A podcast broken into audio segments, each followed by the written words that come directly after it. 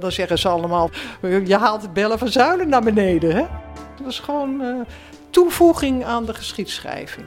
De bedoeling van uh, historisch onderzoek is toch om steeds weer andere aspecten ook te onderzoeken. Dat verrijkt het alleen maar. Daar wordt zij een meer volledig mens ook van, denk ik. Met ook deze kanten.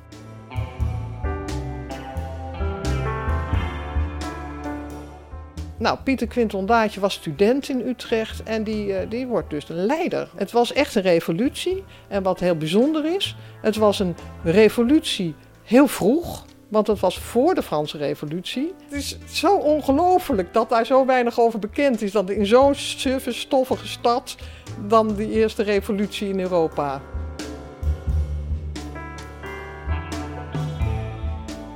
Welkom bij de podcast van de Vereniging Oud-Utrecht. Interviews met Utrechtse historici over hun fascinatie voor de geschiedenis van de stad. Samenstelling Arjan den Boer.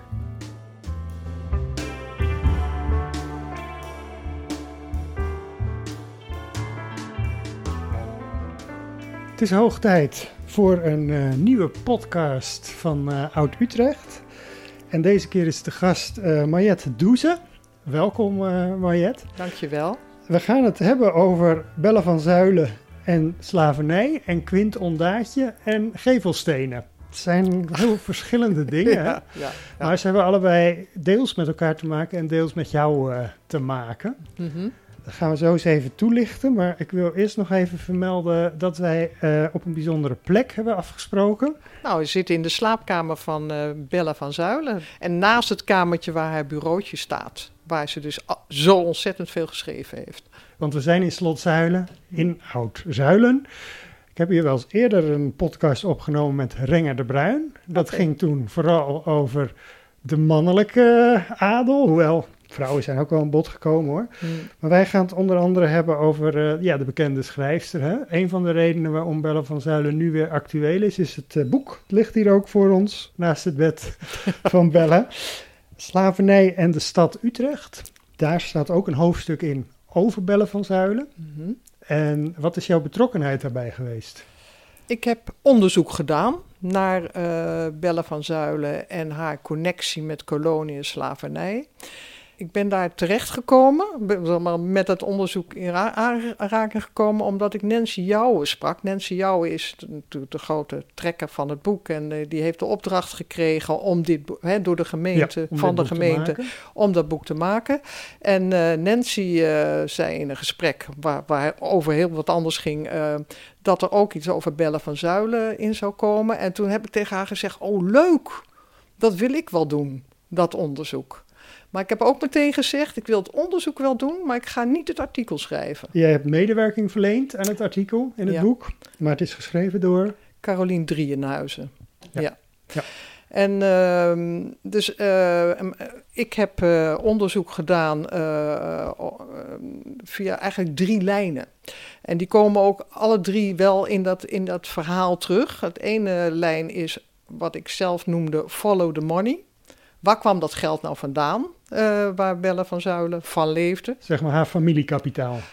Ja, haar familiekapitaal. En uh, nou, ik, in eerste instantie heb ik allerlei notariële actes ook uh, doorzocht op de familietuil. En, en, en, en uiteindelijk heb ik vooral sommetjes gemaakt want dat was het gewoon, op basis van het, haar uh, erfenis die zij heeft gekregen toen haar vader overleed.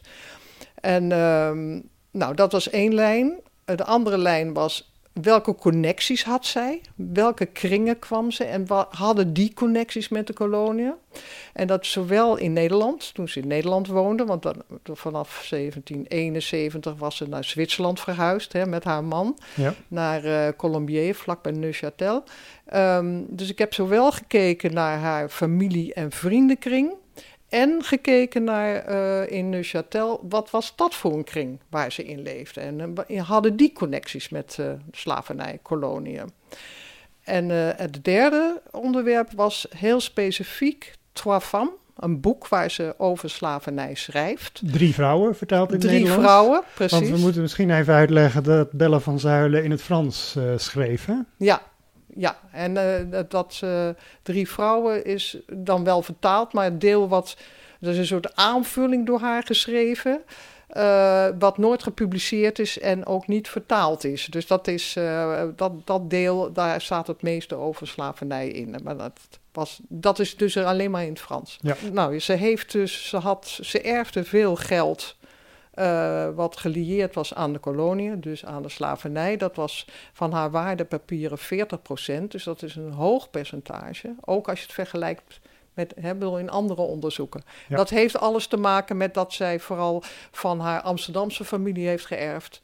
En daar is, bedoel, in Amsterdam waren er wel veel meer mensen die een hoog percentage verdiende aan de Ja. kolonie. En even over die familie. We kijken hier recht uit op het portret van haar moeder, Helena Jacoba de Vic, met Ja, CQ. Hè? Precies. En via die... familie heeft ze dus veel koloniaal geld eh, gekregen. Yes, ja, ja. En maar ook toch wel via de Van Tuils hoor. Dus hij heeft Ja. ook wel eh, via Huft. Hè, bedoel, dat zat in de familie Van Tuil. eh, Ja, nou, dat, die zien we daar links hangen. Hè? Diederik Jacob van Tuil van Serooskerken, de vader eh, van Belle van Zuilen. ja, Want voor de duidelijkheid, haar familie, eigen familienaam was eigenlijk ook van Tuil van zeer- Serooskerken. ja, natuurlijk, dat is wel om het, eh, belangrijk om, de, om het ja, verwarrend te maken. ja, ja, We gaan er nog wel uitgebreider op in, want we lopen straks ook nog een eh, rondje over de tentoonstelling die hier is. Hè? Over slavernij en slotzuilen. Mm. Waar je ook als adviseur van hebt eh, opgetreden. Mhm. Laten we nu vast eventjes eh, een puntje afwerken. ja. Want eh, bij de verschijning van het boek is, zijn daar natuurlijk reacties op gekomen. En er zijn ook in de pers hè, ja, wel wat kort door de bocht reacties geweest. Ja. Over, nou ja, nu is Belle van Zuilen opeens fout. hè? ja, ja, En, ja. eh, en jij bent, eh, staat zelfs in je, in je Twitter-biografie, staat voorop feministe. Dus Ja. jij bent eh, van, van langs af aan, denk ik, een bewonderaar van Belle van Zuilen. absoluut. Ja. Is dat nu bij jou voorbij? Is het fout? Of ligt dat veel genuanceerder? Nee, ze is niet fout. Ik bedoel, ze heeft wat ze gedaan heeft, heeft ze gedaan. Dus ze heeft het heel veel over sociale rechtvaardigheid en, en vrijheid. En eh, over, de, eh, over de rol van uh, positie van vrouwen, kritisch op de adel. Dat blijft allemaal staan natuurlijk. Maar geen mens, geen held, geen heldin is, is 100% helemaal eh, nou, helemaal deugd helemaal. Eh, Dat, is een beetje een raar woord, deugd, want dat bedoel ik eigenlijk niet. Zij had dus een blinde, naar ons idee, hè, naar het idee van eh Carolien Drieënhuizen en, en, en mij, en ook Nancy Jouwen, natuurlijk de leider van, van het project. Eh, het is een toevoeging. Het is een, een, een, een, uitzoeken wat, wat zij nou met dat onderwerp heeft gedaan. Nou, en wij, onze conclusie is dat ze in ieder geval niet expliciet zich daartegen uitgesproken heeft. Terwijl ze zich wel tegen andere dingen heeft Precies, uitgesproken. En dat is de blinde vlek, zoals jullie dat dat noemen. vinden, ja, dat is dan die blinde vlek. En, eh, en, en, ik weet ook uit de correspondentie dat ze bijvoorbeeld eh, eh, nou, heel kritisch was op een AB, ik ben even zijn naam vergeten, maar was een ab die heel erg abolitionist was. Hè? Ik bedoel, al tegen slavernij. En dan is ze heel denigrerend. Die vindt ze niet redelijk, weet je. Dus dat, ja. eh, Ja. dat zijn allemaal van die signalen. Denk je van, nou, dat was niet iets waar zij zich nou druk over maakt. En eh, ik begreep uit het eh, stuk in het boek dat bijvoorbeeld Betje Wolf en Aagje Deken, hè, die staan als wat belegen bekend tegenwoordig, als ze nog niet vergeten zijn. Ja. Maar dat die zich toch wel degelijk tegen slavernij hebben uitgesproken. Zeker. En ook Petronella Moens, hè, dat was een Utrechtse Utrechtse vrouw. Die, die, en, en, en Madame de Staël in Frankrijk. Een goede kennis van Belle van ja, nou, de, de relatie was niet zo goed, omdat er een liefde tussen zat. Die eh, met Staël er vandoor ging. Maar, eh, maar goed, dat was een uitgesproken anti-slavernij. Die waren heel expliciet in eh, de kritiek op de slavernij. Het kan niet zo zijn dat ze daar niks van gehoord Nee, want dat hebben. wordt natuurlijk vaak gezegd van ja, het was nou eenmaal zo in die tijd. Ja. Maar dat klopt eigenlijk niet, want er waren genoeg mensen die er wel zich druk om maakten. En zeker voor iemand met een kritische geest, hè, want daar gaat het om, eh, zou je ook anders kunnen verwachten. Dus is eh, een heel klein beetje gedaald op jouw voetstuk? Of is dat helemaal niet zo relevant om dat te benoemen? Ja, ik, ik, ik, ik zie ook wel, als je naar de tegenwoordig trekt, hè, er is nu ook heel veel nog steeds slavernij, niet op de manier zoals het toen was, maar ja, hoe makkelijk je daar ook aan, terwijl ik ook een kritische geest heb, maar toch ook gewoon uh, doorleef en, uh, en, en toch nog steeds ook kleren koop die, waarvan ik ook niet zeker Ja. weet. uh, Het is ook makkelijk om iemand in het verleden iets te verwijten, bedoel je eigenlijk? nou ja, maar ik vind het ook, ik verwijt het er ook niet. Ik Maar- zeg, het is een constatering. Het is een constatering dat, dat dat een onderwerp was waar zij dus een blinde vlek voor had. Ja, en eh, het is natuurlijk een heel gepolariseerde discussie dit, hè, rond het slavernijverleden. In, in- nou ja, ik noem- ik noemde al Twitter bijvoorbeeld, Ja. maar ook in de media. Ja. En ja, dan wordt er altijd gezegd van als je met een blik van nu kijkt, dan wil je het verleden uitwissen of zo. Maar eh, ik heb jou geloof ik ook op Twitter zien zeggen, ja, je wilt eigenlijk meer iets aan het verleden toevoegen dan er iets van uitwissen. Ja, het is toch de bedoeling van, van eh, historisch onderzoek is toch om steeds weer andere aspecten ook te onderzoeken. Ja. En dat, dat verrijkt het alleen maar. Daar wordt zij een meer volledig mens ook van, denk ik. Van met ook deze kanten. Ja, dus het voegt in ieder geval informatie toe over Belle van Zuilen, die tot nu toe onbekend was, of in ieder geval niet aan het eh, daglicht was nou, in ieder geval heel weinig. Er is in 2013 in het tijdschrift Oud Utrecht ook een artikel verschenen hè, van Esther Captain. Ja, En daar heeft zij het al ja. over. Daar heeft zij Belle van Zuilen al in genoemd. Ja. Zij had wat dat betreft een vooruitziende blik. ja, Ja. Even, het boek eh, ligt hier voor ons. Er staan natuurlijk veel meer eh, artikelen in over slavernij en de stad Utrecht, maar ook eh, aanwezigheid van zwarte mensen al in een veel vroeger stadium dan je dacht. Mhm. Los van het, het hoofdstuk waar je zelf onderzoek voor hebt gedaan, wat is jouw indruk en reactie op het boek? Ik vind het een rijk boek.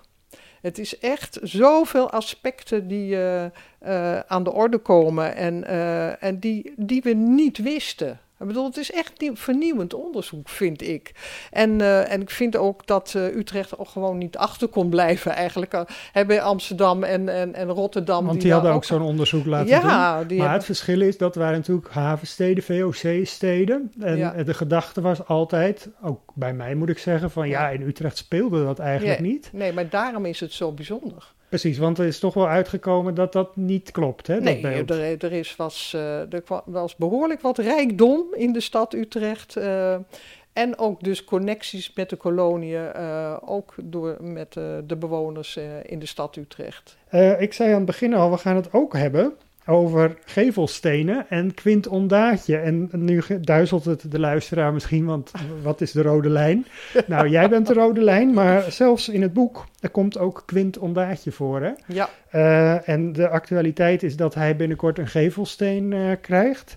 Eh, maar misschien moeten we alvast even zeggen waarom hij ook in dit boek staat over slavernij en zwarte aanwezigheid Ja. in de stad. Het artikel in het boek gaat ook inderdaad over de zwarte aanwezigheid in de stad. Dus eh, als voorbeeld van eh, dat mensen hebben een beeld van nou, toen was iedereen wit. Ja.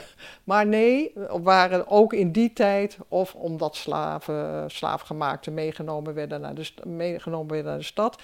Maar Quinton Daatje kwam hier zelf naartoe. En hij was een man, eh, of een jonge student. Hij was geboren in, S- in, in Ceylon, nu Sri Lanka. En Ja. eh, Hij was zeg maar wat we Tamil nu noemen, geloof ik. hij, hè? was, ja, hij had een Tamil vader en een, en, en een Amsterdamse moeder. Oh ja. En ehm, nou, laat ik eh, iets eerder beginnen. Ik werk dus aan, aan de website Gevelstenen. Hè? Juist, dat, eh, is jouw link met de gevelstenen. Precies. Ja, Ja, Utrechts Geveltekenfonds. Fonds, precies. Gaan we zo nog ook eh, verder op in, hoor. maar Ja, ga, door oké, over Quint ja, maar, eh, eh, even over Quint Ondaatje. Maria de Bruin, Rietje de Bruin van het bestuur van het Utrechts Geveltekenfonds, die heeft al jaren, riep ze, van er moet een, een gevelsteen komen voor Pieter Quint Ondaatje. En, en zij was niet de eerste, want daarvoor was, waren, was er ook al mevrouw Snel, die in de jaren tachtig... Machtel Snel, gemeenteraadslid van precies. D66. Heel ja. goed, ja. En eh, er is ook eh, een, een nazaat van Pieter Quint Ondaatje, Christoffel Ondaatje, die al in de jaren... Canadese schrijver is dat, hè? Of, Dus de of broer een zakenman, van de schrijver. van de schrijver. Ja, ja, de broer Ja, van de Hoe heet de schrijver. schrijver ook weer? Michael. Oh ja, Michael Ondaatje. Ja, ja, dat zijn nazaten van onze Utrechtse Quint eh Ondaatje. Quint Ondaatje. En voor de duidelijkheid, Quint is, hoor, maar Quint is ook deel van zijn achternaam, hè? Want hij heette Pieter. Ja, ja. de Quint is de naam van zijn moeder. Oh ja, Die heeft hij ervoor geplakt, omdat zijn grootvader dat heel fijn vond. Een Ja. Nederlandse, zijn eh, Amsterdamse grootvader. Maar hoe dan ook, hij, ehm, Zij was daarmee bezig. En vorig jaar kwam het, ik was bij de bestuursvergadering en had ze het daar weer over. En toen hoorde ik voor het eerst dat het een man van kleur was. Dat wist ik helemaal niet.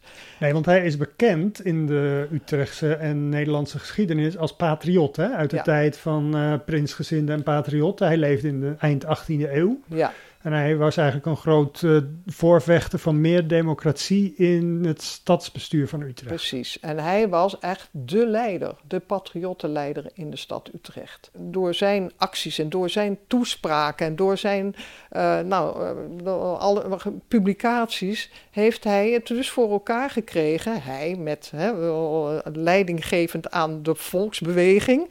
Dat er een, inderdaad een democratischer bestuur in de stad Utrecht kwam. Dus die revolutie had resultaat. Het was echt een revolutie. Het was echt een revolutie. En wat heel bijzonder is, het was een revolutie heel vroeg. Want het was voor de Franse revolutie. En, en uiteindelijk dus het voor, ze het voor elkaar kregen dat de, de, de vroedschap die vol regenten zat, aangewezen door de wethouder, Vroedschap, eh, is, stadhouder. vroedschap zeg maar de gemeenteraad van toen, hè? En daar zaten allemaal, eh, ja, Dus die er werd, niet, die werd niet regentenkliek. democratisch gekozen, maar die werd door de stadhouder een oranje benoemd, hè? Precies. En die zaten dan ook voor goed tot hun dood. En eh, verdeelden daar ook alle baantjes en zo. Dus eh, daar, daar was die, dat verzet tegen, daar die revolutie tegen gericht. Nou, Pieter Quinton Daatje was student in Utrecht en die, eh, die wordt dus een leider, de belangrijkste leider van die, eh, van, van die revolutie.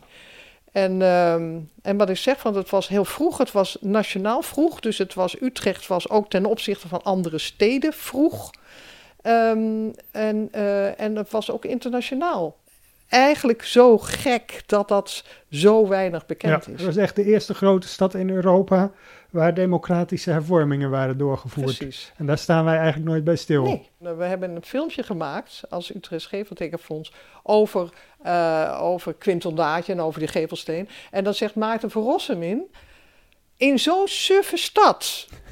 En, eh, en het is zo ongelooflijk dat daar zo weinig over bekend is. Dat in zo'n suffe, stoffige stad dan die eerste revolutie in Europa plaatsvindt. Ja. maar het was niet. eh, voor sommigen was het natuurlijk niet gewenst, hè, die revolutie. Want er was ook veel weerstand, zowel tegen hem als Ja, uiteraard tegen, tegen die democratisering. Ja. Ja. Nou ja, tegen het feit dat ze hun positie kwijtraakten. Zo gaat dat met revoluties, hè?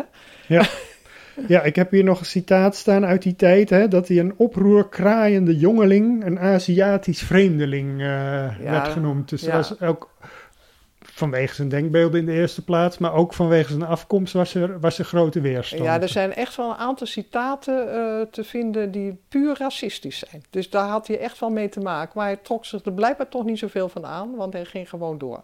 Nou heeft het, eh, je zei dat al, 35 jaar geduurd nadat in de jaren 80, 1986, dus dat gemeenteraadslid al voorstelde, of al pas, voorstelde om een, een gedenkteken, toen ging het nog over een beeld voor hem te maken. Ja. Dat dat zo lang eh, geduurd heeft, is dat gewoon pech geweest? Of zou daar ook nog steeds iets achter zitten? Nou ja, ik, eh, ook dat zegt Maarten van Rossum in dat interview. Eh, Dat komt omdat wij zo van oranje zijn. Ja. Hij zegt, de verklaring is, de- omdat de patriotten tegen de stadhouder waren... Dus de, tegen de Oranjes, zijn ze altijd een beetje weggemoffeld. Hebben ze niet gezien, en is er te weinig gezien hoe belangrijk zij waren voor de ontwikkeling van eh, nou ja, het gedachtegoed. Hè? Sowieso vrijheid van pers en vrijheid. Ja. Eh, die gevelsteen, die eh, is er op initiatief dus van het Utrechtse eh, Geveltekenfonds. En die wordt op 8 oktober eh 11 onthuld. oktober. Kijk, Geert.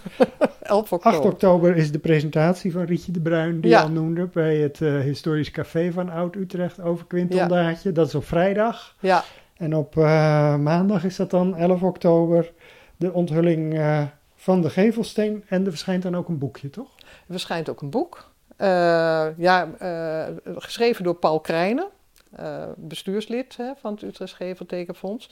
Eh, met medewerking ook weer met, van Rietje de Bruin, want die had ook al heel veel onderzoek gedaan. Maar eh, ja, hij zegt zelf boekje, maar ik vind een, een boekje van 100 pagina's vind ik eigenlijk wel een boek. Ja. en er komt er ook nog, en dat is op 7 oktober, komt er een kleine tentoonstelling in de bibliotheek aan het Neuden over Quinton Daatje. Dus, dat, dus het is allemaal Ja. Dicht bij elkaar, ja. Ik wilde eigenlijk voordat we het over het Geveltekenfonds, eh, wat je daarvoor doet, nog wat verder gaan hebben. Even terug naar jouw achtergrond eh, qua Ja. werk, zeg maar. ja. Want dat heeft toch ook eh, een, een link met, nou ja, we hadden het over Bellen van Zuilen en naar aanleiding daarvan over feminisme. Mhm. Ik heb gezien, dat wist ik eigenlijk niet eens, dat jij begonnen bent als bibliothecaris. Of moet ik bibliothecaresse zeggen? Dat vind ik altijd lastig. Maar Toen noemde het bibliothecaresse. ja, en dan bij het Utrechts Archief. eh, Ja, nou, ik, ben daar niet, ik heb ook nog ergens anders gewerkt als bibliothecair, maar ik heb zeven jaar bij het archief gewerkt. En met heel veel plezier, want dat was in de jaren, ehm, eh, moet ik even goed nadenken, eind jaren 70, be- eh, begin jaren 80. En waar ik me heel erg op gericht heb met, met de collectievorming. Dat was op wat we toen noemden de grijze literatuur. Dus al wat al die actiegroepen allemaal eh, publiceerden. Dus eh, zowel aan affiches, maar ook aan eh, nota's, aan, aan, aan Dus actiegroepen van de jaren 70 en en 80. 80. Ja. Dus ik ging gewoon de stad rond. Dan ging ik naar de Cargador en ik ging naar de Rode Rat. En ik ging allemaal kijken of er weer, eh, nou ja, nieuwe ja, bronnen. En dat zit, ligt nu allemaal in die bibliotheek. Dat die kan heb- allemaal gebruikt al persoonlijk opgehaald. Ja. ja, oh, dat is wel een mooi verhaal. Ja. En daarbij kwam je natuurlijk ook, eh, wat had je, die, die heksenkelder. eh, nee, Ja. zeg ik dat goed? Waar, vrouwen, vrouwenliteratuur te krijgen was. Daar kwam je dan ook eh, over de vloer. Nee, daar kwam ik eigenlijk niet zo vaak. Dat is gek, hè? Dat Ja. is gek, want eh, Ik kwam maar wel voor mezelf. Ik denk dat ik, als ik er voor mezelf kwam, dan ging ik daar ook de matten. Ik was altijd aan het zoeken. En toen inderdaad bij het Utrechts Archief gewerkt tot 1985. Ik heb het even genoteerd. Ja. En toen eh, kwam je eigenlijk terecht op een plek die eh, ja, wel eh, op het lijf geschreven was. Namelijk het, het archief van de vrouwenbeweging. Hè? Yes. Nou, ik kwam eigenlijk in eerste instantie niet bij het archief van de vrouwenbeweging. Want het- toen waren het nog drie aparte instituten, die pas in 88 zijn ge- ge- gefuseerd. Maar ik kwam bij het Informatie- en Documentatiecentrum voor de Vrouwenbeweging. Dus dat was gericht op de actualiteit. Aha. Want ondertussen was ik ook actief geworden in de vrouwenbeweging. Kwam zo prachtig bij elkaar. Dus dat vond het echt op mijn lijf geschreven. En eh, nou ja, daarna zijn we gefuseerd met het Internationaal Archief voor de Vrouwenbeweging. Wat natuurlijk veel ouder was. Hè, net, want dat is van 1935, dus een Ja. heel oud instituut. Maar later is dat dan samengegaan als Aletta en tegenwoordig heet het Atria. Ja, maar daartussen zat nog Internationaal Informatiecentrum Archief voor de. Vrouwenbeweging. Waar, Dat was na de fusie. waarom al die, al die, die naamswijzigingen en zo? Is dat handig? Nou ja, die, kijk, eh, sowieso omdat er twee fusies in die periode zijn geweest. En dan zoeken ze meestal een andere naam. En, om het te eh, markeren. om te markeren. En eh, het is in mijn tijd nog vooral van eh IAV naar Aletta veranderd, omdat IIAV al jarenlang hadden van ja, dat is toch geen naam. Nee, dat, dat klopt weet wel. niemand. En toch. Aletta was natuurlijk naar Aletta Jacobs eh, genoemd. Hè? Dat kan ik nog in inleven, die Ja. naam. Maar dat, dat Atria, dat, eh, waar- dat is ook in de tijd dat jij daar werkte nog? Nee, of nee, is dat later gebeurd? dus daar kan jij ook niks Nee, over kan ik niks aan doen. Was ik ook helemaal niet blij mee. Nee, want je was eh, van eh, Aletta was jij nog eh, later ook adjunct-directeur, toch? Ja, nou ook al daarvoor hoor. Ik ben nou, zeker een jaar of tien, denk ik, eh, adjunct-directeur geweest. Dus En wat hield jouw, jouw functie toen eh, verder in? Deed je ook zelf eh, nog steeds dat verzamelen van die documentatie? Of was het meer leidinggevend geworden? nee, het was puur management. Maar ik heb het met ontzettend veel plezier gedaan. Maar ik, ik, inhoudelijk, ja, wel als je beleidsnotas moet schrijven, maar Ja, ik maar niet- verzamelde geen Nee, en je deed ook niet zelf onderzoek op dat moment? nee. Nee. Ik heb wel gezien, toevallig kwam ik dat tegen, dat je naar de vierde Wereldvrouwenconferentie in Beijing bent geweest in 1995. Ja, ja, zeker. En daar heb ik wel heel veel verzameld. Ja, toen, toen kwam die oude, zeg maar, die oude geest weer in mij. Zo van, oh, ik moet hier... Want wij waren een internationaal instituut. En verzamelden ook internationaal heel veel. En hebben ook, hadden ook... Nou nee, ze hebben het nog steeds. Maar eh, daar heb ik ongelooflijk veel materiaal verzameld. Maar vooral ook eh, geluisterd naar wat speelt er. Hè? Wat, wat kun je dan meenemen naar je instituut? Welke kant je op moet. Want nou ja, de hele wereld was daar vertegenwoordigd. Hè? Eh, maar we kunnen dus zeggen dat je in die periode heb je wel eh, veel gedaan om het onderzoek naar vrouwengeschiedenis te faciliteren. Ja, Maar je hebt er niet zelf op dat moment aan kunnen bijdragen. nee. Nou is het grappige dat je dat na je pensionering, hè, zo mag Ja. ik dat noemen, dat toch wel in ieder geval hebt opgepikt in 2019, hè? Ja. Eh, bij het, eh, bij het 100-jarig eh, vrouwenkiesrecht. Ja, en dat, dat raakt ook wel even aan mijn, mijn, waarom ik die website van het Utrecht Geveltekenfonds ben gaan doen. Toen ik met pensioen ging, kijk, als je werkt, dan doe je af en toe van die cursussen en dan vragen ze altijd, wat had je anders willen doen? Wat voor een vak had je anders willen doen als je dit deed? En dan riep ik altijd, want ik heb MO geschiedenis gedaan en in dat kader archiefonderzoek gedaan. Ehm, en ik, was, ik vond het fantastisch, dat archiefonderzoek. Dus ik riep altijd, nou, dan ga ik archiefonderzoek doen. Maar ja, toen was ik met pensioen. dacht ja, eh, archiefonderzoek, maar waarnaar dan? En eh, toen ben ik eerst mijn voormoeders gaan uitzoeken. Maar, eh, en toen kwam ik, eh, want mijn partner zit in het Utrecht Geveltekenfonds, het bestuur. En toen hoorde ik over de website en opeens viel het kwartje. Dacht ik, oh, maar dan kan ik archiefonderzoek doen. Als ik, eh, dan kan ik onderzoek doen naar die gevelstenen. Dus, en, ehm, en omdat ik mee functioneer in het Utrecht Geveltekenfonds en weet dat ze nieuwe stenen ook ontwikkelen. Hè, ze nu met Quinton Daatje, maar eh, ook al eerder stenen die zij eh, bedenken. En dan Ja, laten dus het zijn niet alleen oude gevelstenen, maar ook het initiatief Ook voor nieuwe, nieuwe. ook nieuwe gevelstenen. Ja, ook restauratie, maar ook nieuwe gevelstenen. En, ehm, en toen dacht ik van ja, zo'n belangrijke gebeurtenis, 100 jaar vrouwenkiesrecht. En ondertussen was ik eh, voorzitter geworden van een comité, eh 100 jaar vrouwenkiesrecht, landelijk comité. Eh, ik dacht, ja, daar moet er gewoon een gevelsteen voor komen. Dat is toch zo'n moment wat je, wat je moet vastleggen in de stad, in de openbare ruimte. En eh, nou ja, ik had een gremium waarvanuit ik dat kon doen. Hè? Bedoel, eh, vanuit, Eh, en die steen is toen ook aan het stadhuis gekomen, net als die van Quinton Daatje. Dus waar houdt het op, Mariette? nou, de afdeling erfgoed heeft gezegd, we maken er geen kerstboom van. dus mag, dit is de laatste. maar het stadhuis is groot, hè? Ja. Dus eh komt echt een heel eind naar de Gansenmarkt toe. Dus eh, ja. Ja. je hebt in dat jaar ook een artikel eh, gepubliceerd in Oud-Utrecht, het tijdschrift van Oud-Utrecht, over de afdeling Utrecht van de Vereniging voor Vrouwenkiesrecht. ja. Want er ging natuurlijk een hele strijd aan vooraf, voordat het in eh, 1919 het vrouwenkiesrecht werd ingevoerd. ja. En dat was een strijd ook in Utrecht met veel perikelen, geloof ik, hè? Eh, die had de landelijke verenigingen voor vrouwenkiesrecht. En die waren heel actief in het opzetten van afdelingen in het land. Dat ging eigenlijk vanuit het landelijk bestuur. Ehm, en dat hebben ze in, eh, ja, Utrecht is natuurlijk een van de grote steden, dus dat hebben ze eh, in Utrecht ook eh, gedaan, maar dat, dat beklijfde niet. Dus dat stortte ook weer in, die afdeling. Terwijl, ja, in ter plaatse als Kampen en Groningen al lang afdelingen Ja, ja. waren. Ja. En dan zie je dat, dus toen kwamen ze terug na een paar jaar. Eh, vanuit het landelijk bestuur om het toch nog een keer te proberen.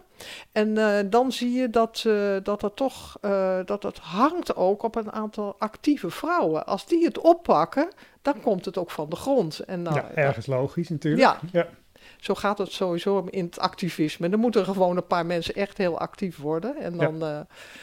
Dus, eh, nou ja, en die hebben dan eh, allerlei avonden georganiseerd. En, en het, werd, het waren lezingen, maar die gingen ze afwisselen met, eh, met muziek en met gedichten voordragen. Dus waardoor het aantrekkelijk werd dat mensen naar die avonden kwamen. En dan hopen ze natuurlijk dat ze ook lid werden hè, van die, van die vereniging. Want ja, hoe meer leden, hoe beter natuurlijk. En ze gingen ook promotiemateriaal ontwikkelen, wat ook weer landelijk weer gebruikt werd. Dus toen werd het toch wel een bloeiende afdeling. En eh, wat ik me herinner, eh, ik weet niet zeker meer of dat ook in jouw artikel stond, maar dat er ook eh, mannen zich inzetten hè, voor het vrouwenkiesrecht. Ja, ja, maar dat was geen. dat, ja, dat was uiteindelijk ook een, een, kleine afdeling in Utrecht. Maar het was vooral een landelijke mannen voor vrouwenkiesrecht. De Mannenbond voor Vrouwenkiesrecht. En het wat leuke is, want een van de actieve vrouwen, dat was mevrouw Mansveld. En, eh, en haar man was de trekker van de, eh, de, eh, de Mannenbond voor Vrouwenkiesrecht. Dus, en die gingen ook samen op stap in promotietoeren. en, en het mooie is dat in, in het begin hield hij het verhaal en zij declameerde. En toen in de Eerste Wereldoorlog moest hij blijkbaar werd hij opgeroepen. En, uh, en toen ging Mansveld alleen op pad. En toen ging ze ook die rol pakken om, uh, om zelf die lezingen te geven. Dus het is leuk om dat te zien. Dus, dus, in eerste instantie was het nog wat paternalistisch misschien, die mannen die zich ook inzetten voor het vrouwenkiesrecht? Of kun je nou, dat niet zo wil, zeggen? Ja, nee, de, ik, dat, ik weet niet of je dat kan zeggen. Ik, ik, ik, uh, ik, heb, ik vind het echt fantastisch dat die, die mannen, want dat was toen natuurlijk zo ongelooflijk uh, heikel punt. Er was zoveel verzet ook tegen die, die, die mensen die streden voor vrouwenkiesrecht. Dat is geen makkelijke positie. Nee. Nee, ik vind, uh, ben daar niet zo kritisch op. Nee, ik hoor het, heel goed. ja. Nou, ik recapituleer even voor de luisteraar uh, dat we nog steeds zitten in de kamer van Belle van Zuil, eigenlijk het heilige der heiligen voor sommige feministen. Hè? Uh, ja. We zitten nog net niet op haar bed, maar dat scheelt niet veel. We zijn hier omringd door portretten van Belle van Zuilen en haar uh, familieleden. Zometeen gaan we ook nog een rondje lopen over de tentoonstelling uh, Slotzuilen en Slavernij. En dan vertel jij nog iets meer over het onderzoek dat je daarvoor hebt gedaan, mede daarvoor hebt gedaan. En ook wat jou is opgevallen aan de tentoonstelling. Mm. En voor we dat gaan doen, uh, gaan we nog even nader in op de gevelstenen. Uh, jouw uh, andere fascinatie. Waarom vind je gevelstenen interessant? Het heeft toch ook een wat oudbollig imago? Nou ja, ik vertelde net al hoe ik er ingerold ben. Dat was pragmatisch, want dan had ik een doel om, mee, om het archief in te gaan. Maar nu vind ik het echt, ja, eh, de gevelstenen vertellen zoveel over de geschiedenis van de stad. Dus ik vind het zo leuk om dat, uh, om dat op die website uh, te beschrijven. Maar ik vind het voor mezelf ook zo leuk. Want ik loop echt op een hele andere manier door de stad heen. Je kijkt niet meer naar de etalages, maar erboven. ja. En ook omdat je zoveel meer weet over. Want als je zo'n gevelsteen beschrijft, of onderzoek daarnaar doet, dan doe je dat ook meteen over dat huis en die bewoners die daar gezeten hebben. En het dus- bedrijf dat er gezeten heeft. Ja, dus dat, dat, je krijgt, die stad wordt zoveel interessanter. Ik heb, uh, historisch gezien wordt het zoveel interessanter als je er doorheen loopt. Dus uh, ja, ik ben er nu helemaal... Uh, helemaal, ik ben er heel erg blij mee met dit vrijwilligerswerk. Ja, ik, ik hoor het. En nou is het nog wel even de vraag, fonds hè, waar je, waar je voor werkt of voor je voor inzet. Dat heet dus officieel niet het Gevelstenenfonds, maar het Geveltekenfonds. En nu is even de vraag uh, die mensen misschien zullen hebben. Wat is eigenlijk het verschil tussen een steen en een teken? Ja, ja. Uh, het teken, het is meer dan gevelstenen, omdat wij ook bijvoorbeeld huisnamen doen, jaartalstenen, gevelbeelden.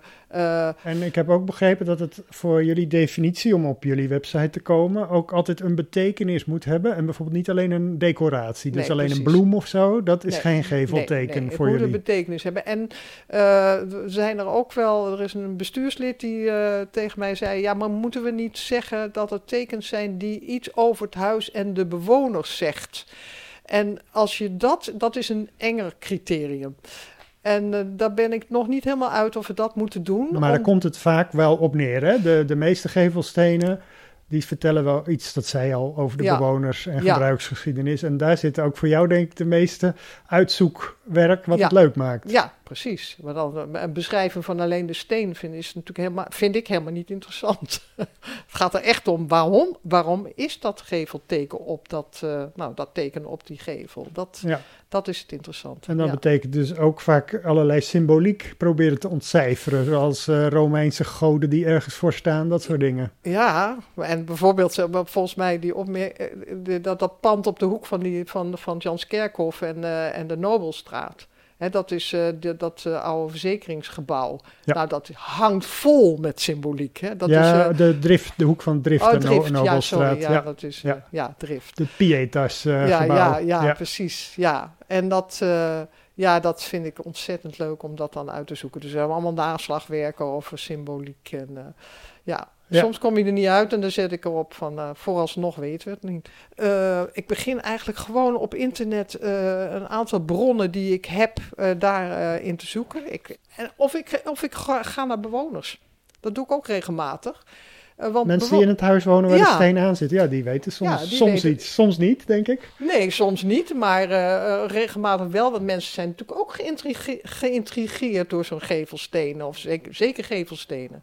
Dus eh, eh, ja, nou, dat, er zijn alle mogelijke wegen om achter die informatie te komen. Ja, en ik geloof dat er ook nog een hele hoop bij het Centraal Museum in het depot liggen. Ja, En waar dat- wij heel graag van zouden willen dat die nou eens in de stad herplaatst worden. Wat Amsterdam natuurlijk wel doet. En gedaan heeft. Hè. Die heeft ook eh, bij, eh, bij het Rijksmuseum een hele muur met allemaal gevelstenen. Maar het Centraal Museum beweegt nog niet, wat Nee. dat betreft. Nee. nou, wat niet is, kan nog komen. Ja, Ehm, voordat wij eh, de Kamer van Bellen gaan verluid- verlaten om naar de tentoonstelling eh, te gaan kijken en daar iets over te zeggen, moeten we misschien nog eventjes reclame maken voor eh, de website van het Geveltekenfonds. Hè? ja, Want daar kan je dus eigenlijk per straat en per gebouw, voor, voor zover jij gekomen bent, een, de- informatie vinden over die geveltekens en Ja. ook op een kaart. Hè? ja. en ook, ook op vrije tekst zoeken. Dus je kunt op alle woorden zoeken die je, dus als je eh, katten wil, op Gevelstenen met katten. Ja. dan Als eh, je de, je... de kattenfilmpjes zat bent, dan kun je verder met de gevelstenen. Bijvoorbeeld, ja. En hoeveel eh, geveltekens eh, staan er inmiddels op? Ja, ik, ik heb, nog niet, ik heb nog niet recent gekeken, maar ik geloof iets van 430, zo rond, de, boven de 400 in ieder geval. En je streeft natuurlijk ooit naar compleetheid, maar heb je enig idee hoeveel je nu bent qua percentage? Nou, ik eh, denk als we alle buitenwijken ingaan, nou, denk ik dat we op, eh, laat ik een gok doen, 60% of zo. Oh, toch wel. Ja, Ja. dat denk ik wel. Dus ja, met duizend dan ben je er zeker wel, denk ja dat denk ik wel. Oh, nou, dat eh, moet gaan lukken. Als u tijd van leven Ja. hebt. hè. Wat, wat is het adres van de website? Nou, eigenlijk is het heel makkelijk. ugtf.nl. Utrecht Geveltekenfonds. Fonds. ugtf.nl. Ja, maar je kunt ook Gevelstenen Utrecht in Google zetten. Kom je er ook uit. Kom je er ook. Ja. Bedankt tot zover en wij gaan eventjes eh, op pad naar... Van Mag ik nog even iets ja, zeggen? natuurlijk. Als er mensen zijn die zeggen, goh, die, dat gevelteken staat er niet Ja. op. Of er staat, die zegt van, nou maar ik weet veel meer van dat gevelteken. Dan, meld het. Ik bedoel, het adres staat ook op, eh, op de website. Dus we zijn alleen maar blij met mensen die eh, informatie aandragen. Ja, lijkt mij een nuttige aanvulling. Ja.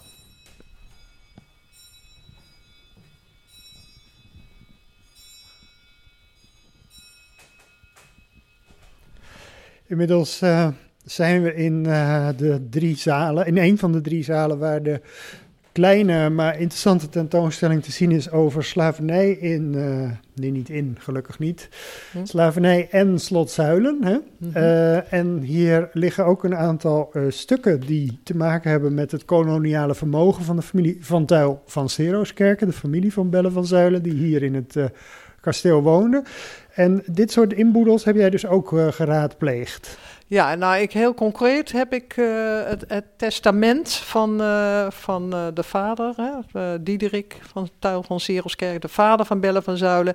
Daar staat gewoon alles wat hij nalaat met de bedragen bij. En daarna staat er ook wat welk kind wat krijgt. Ik heb dus gekeken naar wat heeft Bellen daar dan van gekregen, Bellen van Zuilen daarvan gekregen. En, ehm, en op basis daarvan heb ik dus een heel mooie Excel-sheetjes uitgerekend. Dat het dus eh, eh, ongeveer een derde van haar totale vermogen. Maar qua wa- wat betreft waardepapier is 40% zit dus in VOC, WIC. Maar ook in, in de East Indian Company. Dus ook in Engelse eh aandelen. In, in, in dat soort Engelse verenigingen die in de koloniën eh, actief waren.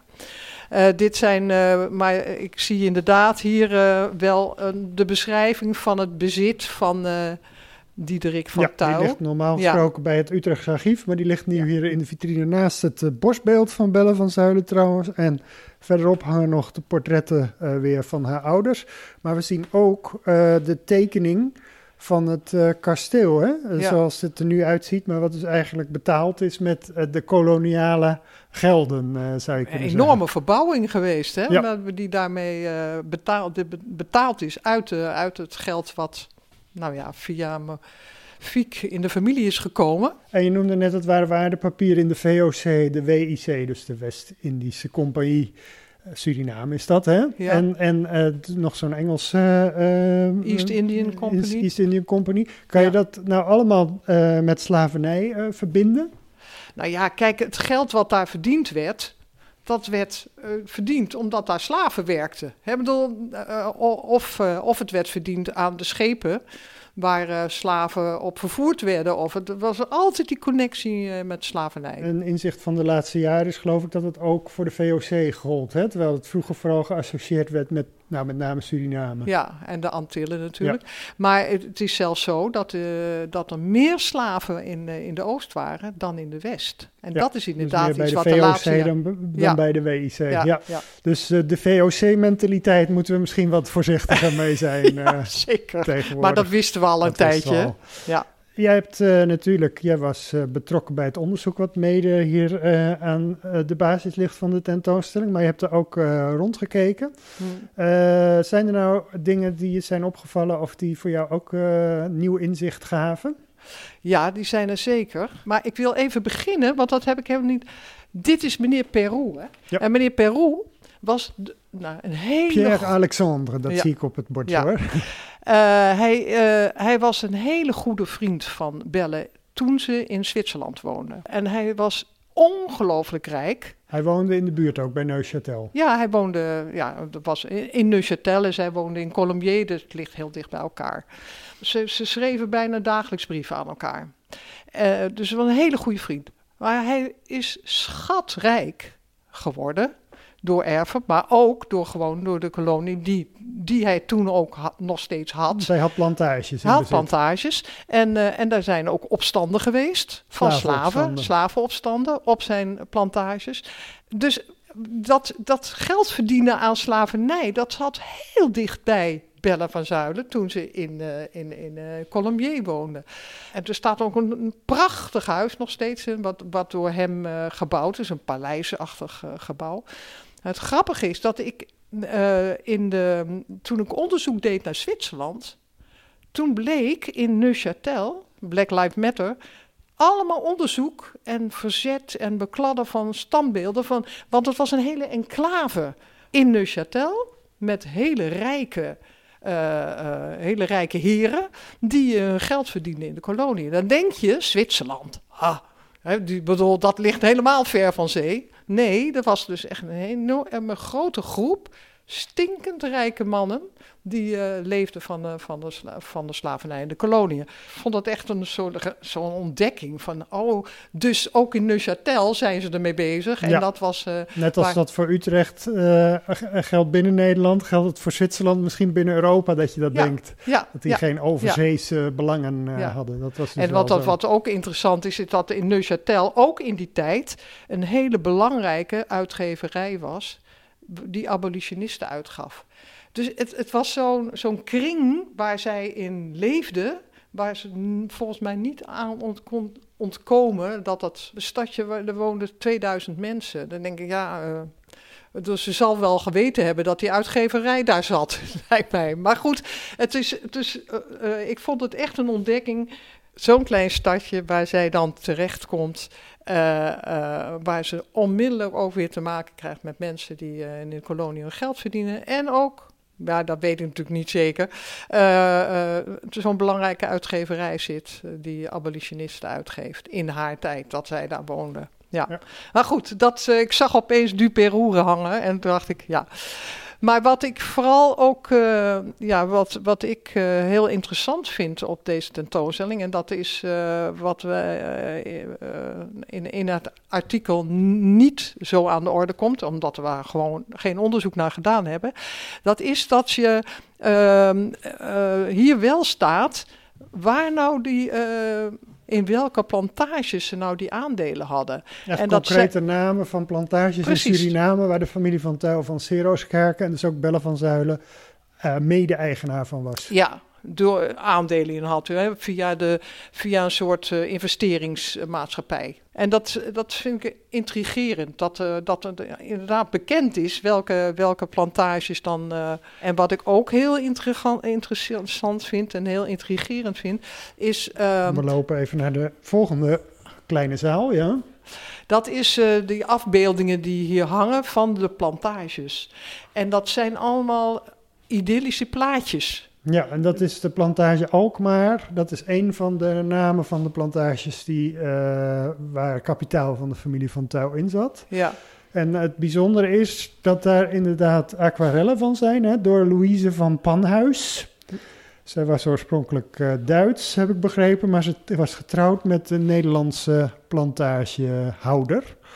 En uh, dan zien we dus inderdaad hele idyllische plaatjes, bijna alsof het een vakantieoord uh, ja, is. Precies. Alsof, daar zou je zo naartoe willen. Hè? Ja.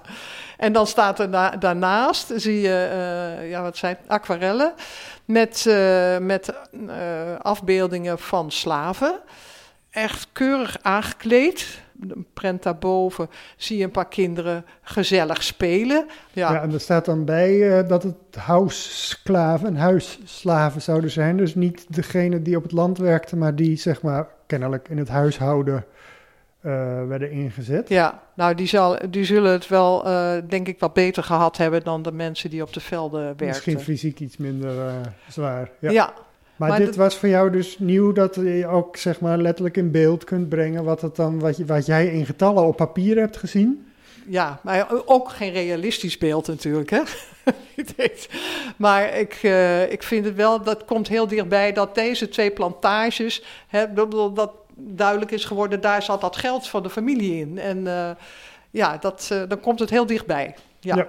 Ja. En wat vind je ervan dat Slot Zuilen ervoor gekozen heeft om daar juist uh, dan zelf iets mee te doen? Ja, nou ja, ik, ik, ik, ben, ik, was, ik was blij verrast toen ik het hoorde. Het is natuurlijk een onderwerp wat op dit moment heel veel speelt. Maar ja, je hebt, ze hebben toch het lef gehad om, om, die, om die link te leggen met slavernij.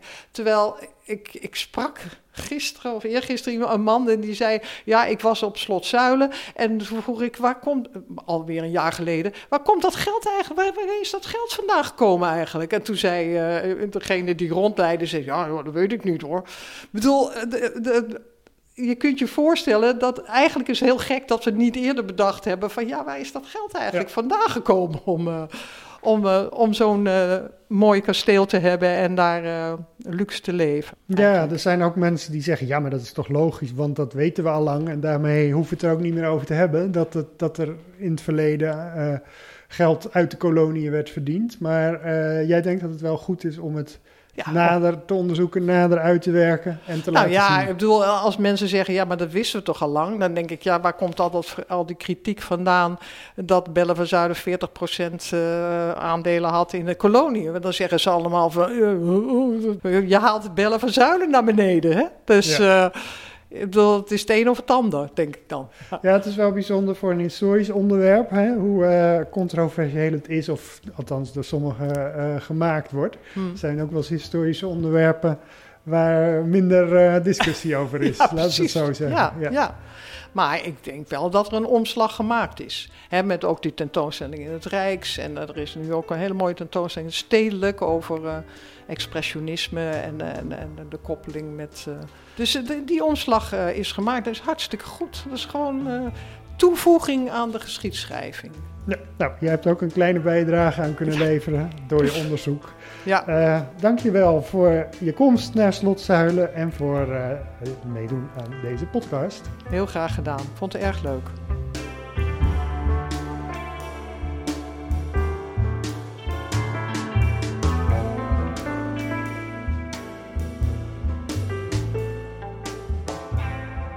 Je hebt geluisterd naar de historische podcast van de Vereniging Oud-Utrecht. Samenstelling Arjan den Boer. Meer afleveringen en abonneren via www.oud-utrecht.nl. Daar vind je ook onze agenda en andere publicaties.